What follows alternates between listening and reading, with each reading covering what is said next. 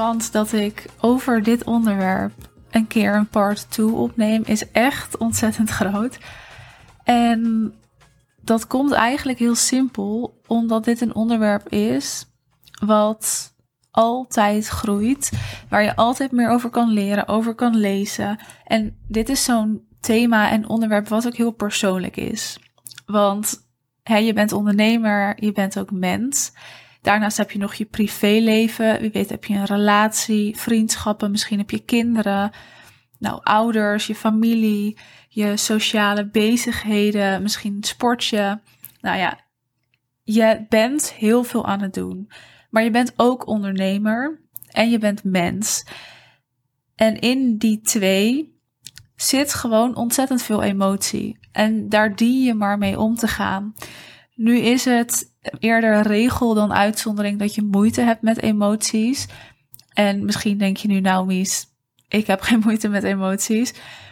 Maar elk mens heeft denk ik wel moeite of moeite gehad of een keer moeite met emoties. En dan bedoel ik voornamelijk met ze bijvoorbeeld toelaten.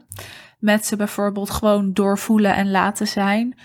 Maar ook om vanuit die emotie juist niet te handelen. Dus die emoties even los te laten, van een afstand te bekijken, ze er te laten zijn, maar er niks mee te doen.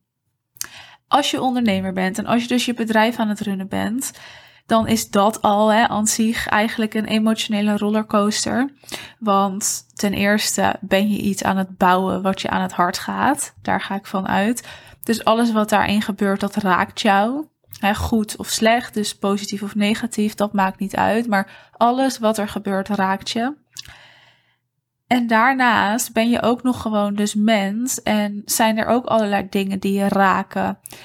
Waardoor je misschien een keer heel goed in je vel zit. Of juist een keer helemaal niet. En misschien overlijdt er iemand in je familie. Misschien uh, nou, speelt er iets, een ruzie of iets dergelijks. Wie weet gaat je relatie uit.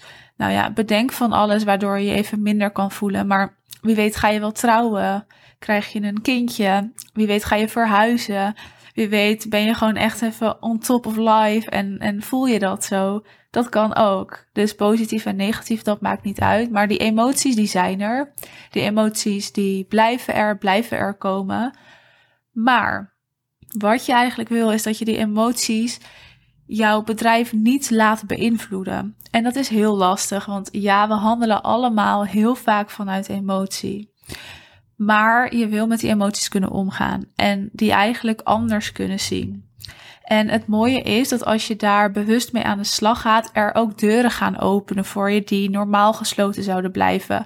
En dat heeft een aantal redenen, onder andere omdat je gewoon, nou bijvoorbeeld, je grenzen veel beter kan stellen omdat jij dus de emotie bijvoorbeeld van angst kan loslaten, van hè, wat vinden anderen daarvan.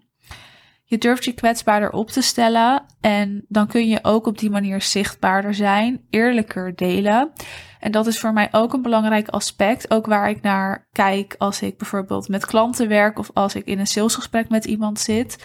Hoe kwetsbaar durf jij te zijn? En je hoeft niet alles op tafel te gooien, daar ben ik helemaal geen voorstander van. Maar wel durf jij je open te stellen. En in dat openstellen durf jij daarin dus ook jezelf te zijn. En daar komt ook allemaal emotie bij kijken, hè? maar daar moet je mee leren omgaan.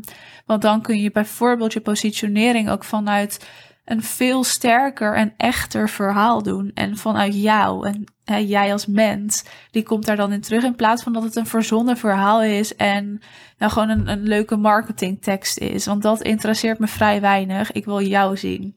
En dat gaat dus over kwetsbaar zijn en je kwetsbaar durven op te stellen. En dat kan je ook als je met emoties kan omgaan, althans daarmee leert omgaan. Ik ga hier zo verder op in hoor, ook daarmee omgaan in je bedrijf. Wat kan je nog meer als je daar stappen in gaat zetten? Nou, makkelijker teamleden aannemen, makkelijker werk uitbesteden, maar ook eerlijk zijn naar je teamleden. Ook naar je klanten. Hè? Dus ben je ergens niet tevreden mee, dan durf je dat uit te spreken. Ben je ergens juist heel tevreden mee, dan kun je dat ook uitspreken. Dat is ook emotie. En misschien dat je dus niet voor je eigen ik gaat kiezen, maar ook voor wat juist is. Dus is een samenwerking niet passend dat je daar ook nee tegen zegt, in plaats van dat je vanuit een soort angst ja zegt omdat het dan maar een klant is. Dus bewust worden van die emoties en daarmee aan de slag gaan, leren omgaan in het ondernemerschap, dat gaat je ontzettend veel opleveren. En je toont dan leiderschap. Laat ik dat even ook voor opstellen. Je bent ondernemer, maar je bent ook leider. Niet alleen naar je klanten toe, maar eh, als je een team hebt, naar je team. En als je die ooit gaat opbouwen, dan. Maar dus ook naar je klanten. Hè? En überhaupt naar de hele markt wil jij um, dat leiderschap tonen. En als je dat niet in je hebt en als jij denkt dat is niet wat ik wil, dan is dat ook oké. maar dat is wel een bijkomstigheid wat er gebeurt. En wat je dus ook gaat tonen als je hier aan gaat werken. Om met emoties om te gaan, heb ik een heel mooi gedichtje die ik heel graag even wil voorlezen. Dat is dus niet mijn gedichtje. Dat is een gedichtje van Rumi en het heet De Herberg. En Rumi is dus uh, nou, iemand die dit soort gedichtjes schrijft. En dit gedichtje gaat over hoe je naar emoties kan kijken. De reden dat ik hem aan je wil voorlezen. En nou ja, ik zou zeggen, luister even twee keer dit stukje als ik het zo ga voorlezen. Maar de reden is, als je dit gelezen hebt en je hier bewust van wordt, dat je dan heel anders ook naar emoties kan kijken. Niet alleen zakelijk, maar ook privé. En dit heeft mij oprecht heel erg geholpen sinds ik dit heb gelezen. En als ik dan door een wat ja, stormachtige periode ga, dat ik dan hiernaar kan kijken en, en dit weer kan lezen en kan denken, ja, dit is wat het nu is. En ik accepteer dat en ik ben er oké mee, maar ik kan weer door. Ik ga eerst het gedichtje voorlezen en dan zal ik er wat meer over uitleggen. Het gedichtje is dus van Rumi en het heet De Herberg. Dit mens zijn is een soort herberg. Elke ochtend weer nieuw bezoek. Een vreugde, een depressie, een benauwdheid, een flits van inzicht komt als een onverwachte gast. Verwelkom ze, ontvang ze allemaal gastvrij, zelfs als er een menigte verdriet binnenstroomt die met geweld je hele huisraad kort en klein slaat. Behandel dan toch elke gast met eerbied. Misschien komt hij de boel ontruimen om plaats te maken voor extase. De donkere gedachten, schaamte, het venijn, ontmoet ze bij de voordeur met een brede grijns en vraag ze om erbij te komen zitten. Wees blij met iedereen die langskomt. De hemel heeft stuk voor stuk gestuurd om jou als raadgever te dienen. Wat ik nou zo mooi vind aan dit gedichtje, is dat, dat ze hier eigenlijk in uitleggen wat emotie is. En dan nemen ze als voorbeeld dus een herberg. En elke emotie die jij kan voelen, dat is dus een onverwachte gast die langs kan komen. Maar die herberg, dat ben jij. Dat is een soort veilige haven, veilige thuis. En die gasten komen en gaan. En je dient ze allemaal te verwelkomen om ze te accepteren en er ook oké mee te zijn. En eigenlijk dien je ze dus ook met liefde te verwelkomen. Je mag ze uitzitten totdat ze weer gaan. En als je op deze manier naar emotie kan kijken en naar jouw gevoel, dan kun je dus eigenlijk afstand nemen daarvan. dus je bent die emotie niet. Je voelt dat, maar hoe is het om daar afstand van te nemen, omdat je weet dat die weer weggaat? En ja, ik zou zeggen, luister nog even één keer wat ik net heb gezegd toen ik het gedichtje ging voorlezen. Want dit is echt een gedichtje wat mij ontzettend heeft geholpen door die stormachtige periodes afgelopen jaar. En ja, die zijn er geweest, waar ik ontzettend veel moeite mee heb gehad, maar waar ik ook doorheen ben gekomen, onder andere door dit gedichtje. En daarom lees ik hem nu aan je voor. En wat ze dus eigenlijk ook zeggen, is dat je brein even die herberg is, waar die emoties komen. Dat gaat natuurlijk door naar je gevoel. Je voelt het, maar het gaat weer. Dus accepteer het, ben er oké mee. En dit kun je ook toepassen, hè? dus in jouw bedrijf.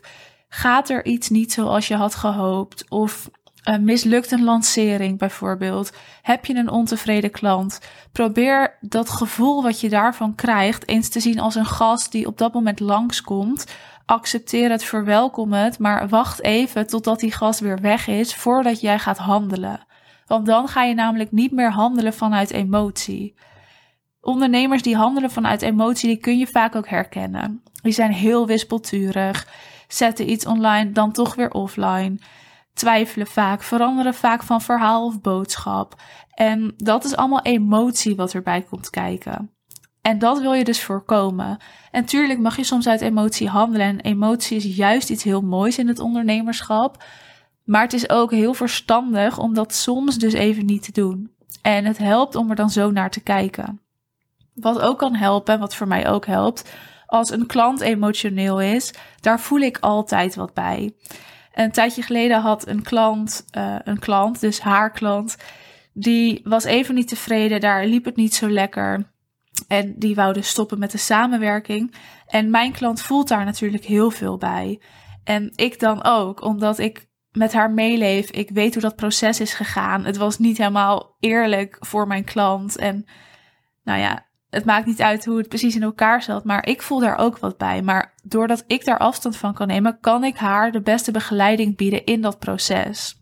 Uiteindelijk is haar klant ook gewoon weer verder gegaan en was er niks aan de hand. Dus, maar dat is wel iets wat er gebeurt.